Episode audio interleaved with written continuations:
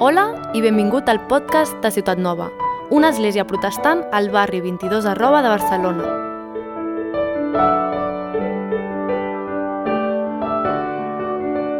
Muy buenos días, uh, doy gracias al Señor por esta oportunidad una vez más de poder compartir eh, como parte de esta serie de los Salmos de Ascensión. Um, un pensamiento devocional más que una predicación, un testimonio de, uh, de la gracia de Dios obrando en mi propia vida, más que una uh, pues, exégesis, explicación de eh, el pasaje, pero también esperando sea de ánimo y de bendición para todos nosotros el día de hoy. Serie de verano, sí, la idea, pues los cultos un poco más cortos, un poco de más flexibilidad también en la predicación y por eso en ese sentido el día de hoy pensé irme un poco por, por esta línea. Salmos de ascensión, Salmos 120 al 134, ya nos acercamos hacia el final de la serie, estamos en el final del verano. salmos de peregrinaje, al ir el pueblo de Dios ascendiendo a Jerusalén eh, como parte de esas fiestas sagradas, momentos especiales un peregrinaje en el que iban cantando, eh, de esa forma recordando las obras de Dios, enseñándolas a las nuevas generaciones, interesantemente también tiene un aspecto de enseñanza. Ah, y como ese playlist, decía Rubén al comenzar la serie, ese, esa serie, ese playlist de Spotify mientras viajamos en el coche y que hace sin duda el camino más placentero. Y la última vez decía, interesantemente, eh, pues esos, eh, esos cantos, esas canciones del playlist tienden tienden a ser las favoritas de nuestra vida y nos recuerdan momentos especiales, momentos en los que regresamos, ah, nos transportan a otro tiempo, a otro lugar, ah, pero también a un sentimiento, a un anhelo, a un sueño, a un deseo. Mencionaba esta frase también eh, que se usa mucho, ah, que es el soundtrack of our lives, como el tema de nuestra película, ¿no? al que regresamos constantemente a lo largo de diferentes etapas de nuestra vida. El soundtrack de, ah, of our lives que nos recuerda, que nos alienta, pero también nos reorienta a lo que consideramos importante en medio de la realidad de los retos de la vida a lo largo de esta serie hemos eh, recordado que la vida precisamente es un camino, que vamos de paso, ah, que es importante eh, no vernos a nosotros mismos como turistas y encarar la vida de esa forma.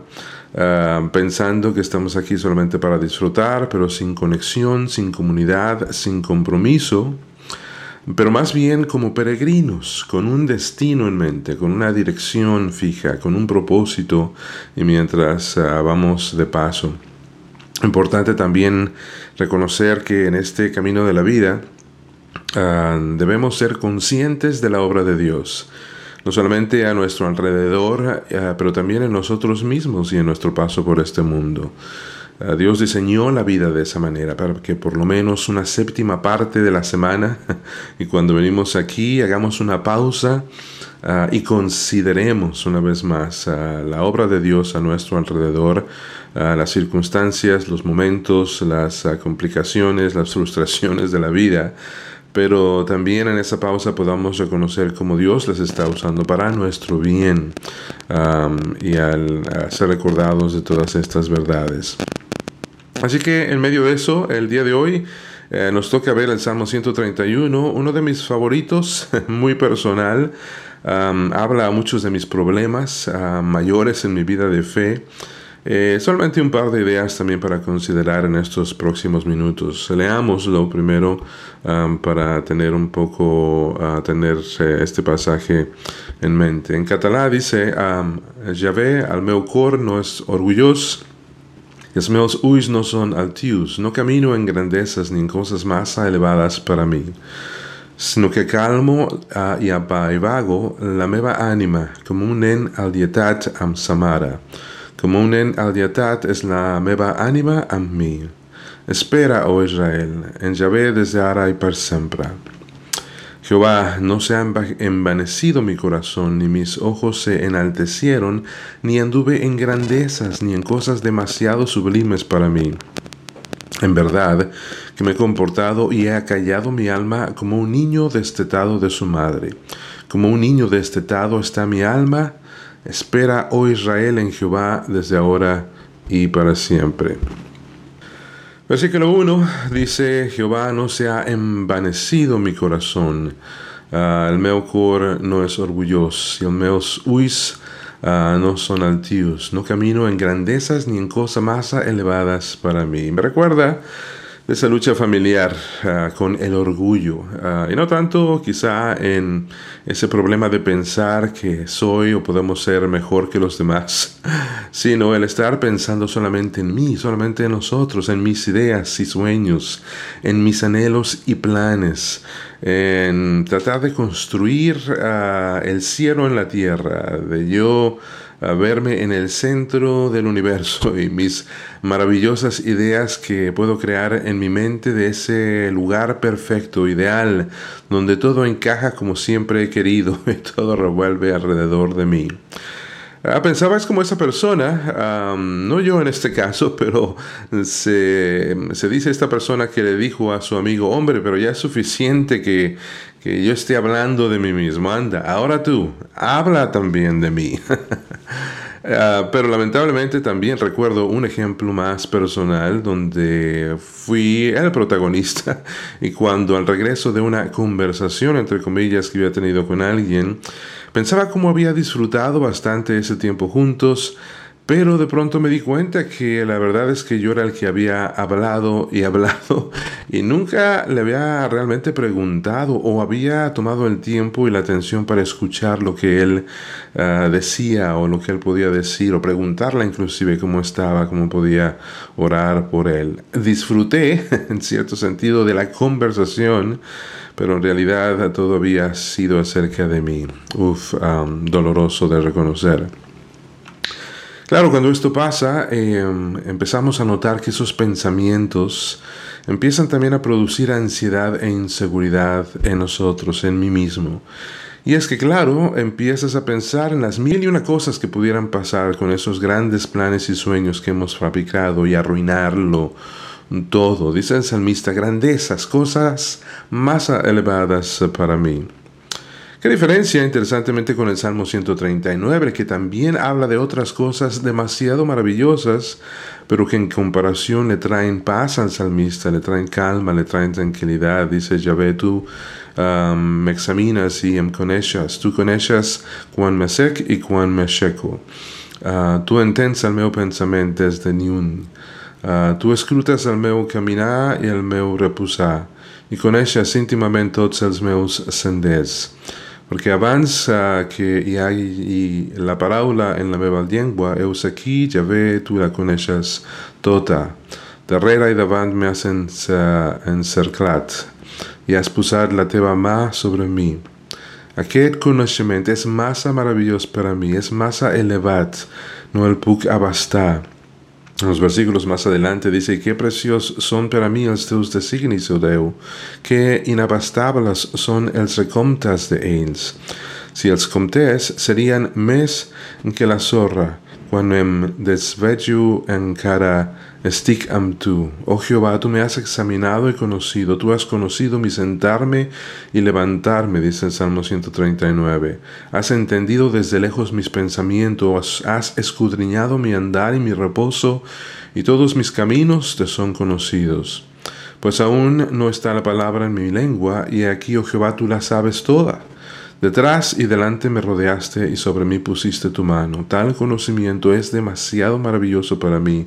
Alto es, no lo puedo comprender. Versículos 17 y 18.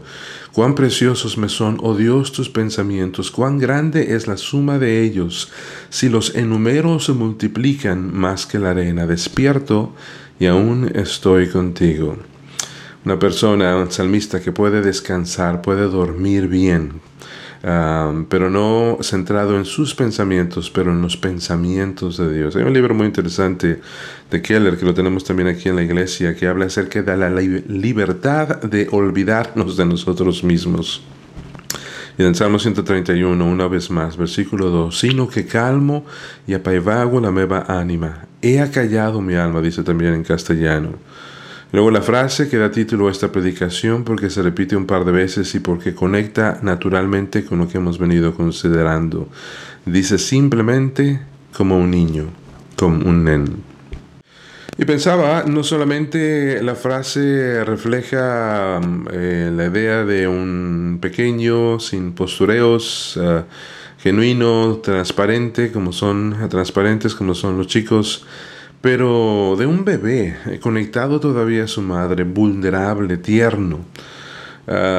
cualidades no muy valoradas en nuestra sociedad contemporánea, de independencia, de autosuficiencia. Eh, pero qué tal si un espíritu tierno y sereno, como dice Primera de Pedro capítulo 13 versículo 4, es precioso delante de Dios.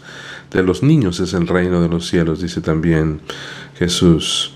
Y es que hay algo muy espiritual de una persona tierna, como un niño.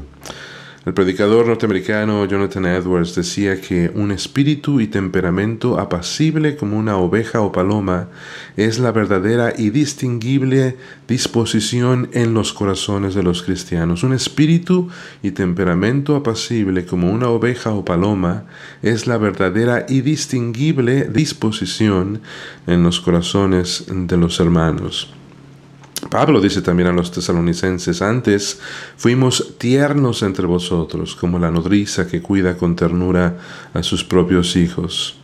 El pastor, fundador de nuestra organización con la que colaboramos, decía que un espíritu sereno, tierno, gentil es realmente algo celestial. Y es que, ¿qué tal si esta cualidad del carácter revela una identidad y serenidad interior? Que viene de saberse amado, de saberse seguro, confiado en la provisión del Padre para cada momento y para cada situación. Seguros y confiados como niños, como nens, frágiles, débiles, dependientes, no demasiado obsesionados en grandes planes, metas, ideas, sueños, pero gozosamente dependientes de nuestro buen Padre Ah, en cada momento de nuestra vida. ¿Qué tal si en realidad esa es la verdadera madurez espiritual? No es el ya no necesitar tanto de Dios después de tantos años, después de tantas predicaciones, después de haber escuchado ah, o haber hecho tantos estudios bíblicos y a estas alturas de mi vida de fe, pero más bien, y como el varón perfecto decía, digo solo lo que el Padre me dice que diga, hago solo lo que el Padre me dice que haga. ¿Qué tal si en ese sentido la manera de subir es bajar, la manera de crecer es depender, la manera de profundizar es simplificar? Va eh, un tanto en contra de nuestro entendimiento, de nuestra naturaleza caída. Ah, y por eso Nicodemo, ese maestro de la ley, le pregunta a Jesús, ¿cómo puede un hombre viejo entrar en el vientre de su madre y volver a nacer? Como un nen al dietat am sa mare, com un nen, com un nen al dietat és la meva ànima amb mi. Espera, oh Israel, en Yahvé desde ahora y per sempre. Me he comportado y ha callado mi alma como un niño destetado de su madre, dice el versículo 2 uh, y el versículo 3 de nuestro salmo de hoy, 131. Dice, como un niño destetado está mi alma, así que espera, oh Israel, en Jehová desde ahora y para siempre como un nen que se sabe profundamente amado, y aún más nosotros, completamente perdonados, aceptos, aceptados en Él. Y esas son las buenas noticias, buenas noticias del Evangelio, noticias que hacen que nuestro corazón cante, que nuestro corazón alabe, adore, que nuestro corazón salte, como, los, como el de los dos discípulos en el camino a Emaús y cuando Jesús apunta en ah, cada parte de las escrituras como lo que él había venido a hacer conectaba precisamente con ellos y con su historia. Sí, mucho peor de lo que muchas veces pensamos, pero al mismo tiempo mucho más amados de lo que nos hubiéramos imaginado.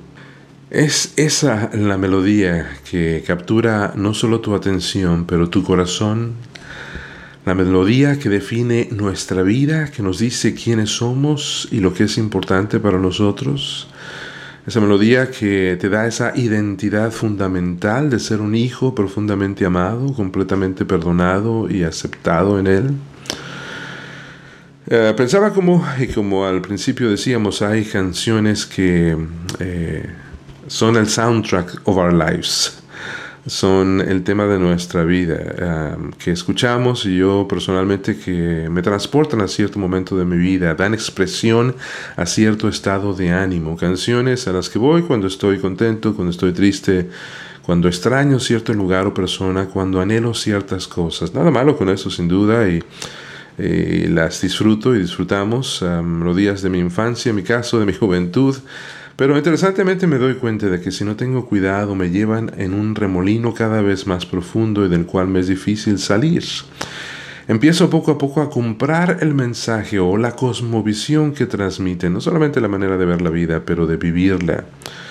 Ah, y otra vez, nada malo eh, con ah, la música que pudiéramos ah, escuchar y si piensas que estoy hablando de qué tipo de música escuchar o no, quizá no me estoy dando a entender. Hablo de ese otro soundtrack of our lives, de esa otra melodía que debo seguir como al flautista y que sí me define, que a veces olvido, que a veces ignoro, que a veces rechazo, pero que entonces otro soundtrack empieza a tomar cada vez más lugar en mi mente, en mi corazón, en mis afectos. Como cuando, en el contexto del ministerio, dejé de eh, escuchar esa melodía de eh, que estaba trabajando para Dios, para um, escuchar otra melodía, que era la de acompañar a mi Padre en su misión. Y es que cuando trabajaba para Él, o me veía de esa forma, tenía ciertas expectativas, ah, tenía derechos, había cierta distancia saludable con mi empleador, él no se metía en mi vida privada, pero no podía en realidad con mi vida, no podía producir resultados, no, podría podía producir cambios profundos en mi vida, transformación. Y me echaba sobre mis propios hombros el trabajo, de Dios, el ministerio, y lo hacía con mis propias fuerzas, y no había gozo, había frustración, había desilusión, porque no entendía lo que quería Dios de mí, mi empleador, no sabía cuál era mi propósito, mi lugar. Por eso dejé de trabajar para Dios. Por eso dejé esa melodía para escuchar otra melodía, acompañar a mi Padre en su misión. En su misión, no la mía, es una relación filial y no laboral. Sé que me ama, lo demuestra todos los días, tiene las mejores intenciones para mí. Es un buen padre, perfecto de hecho. No soy huérfano en este mundo teniendo que valerme por mí mismo. Y eso hace toda la diferencia.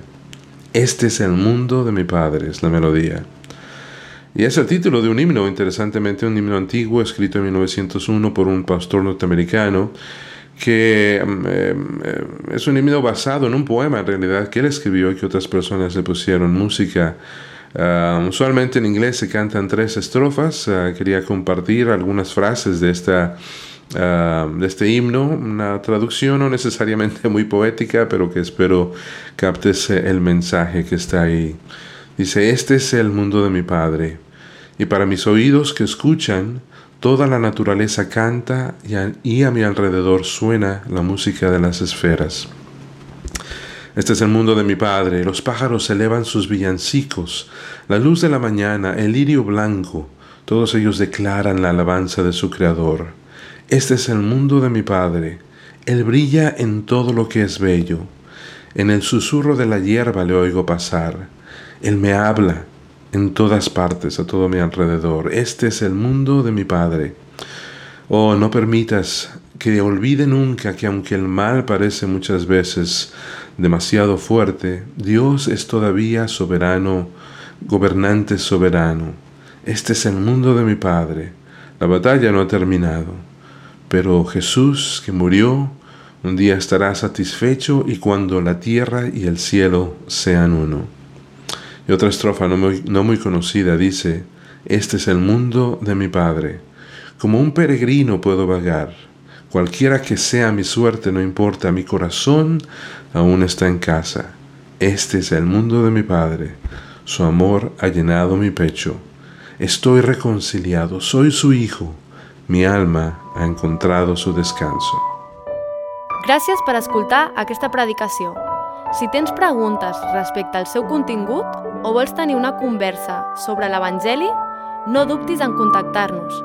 El nostre correu electrònic és info arroba cn22.org.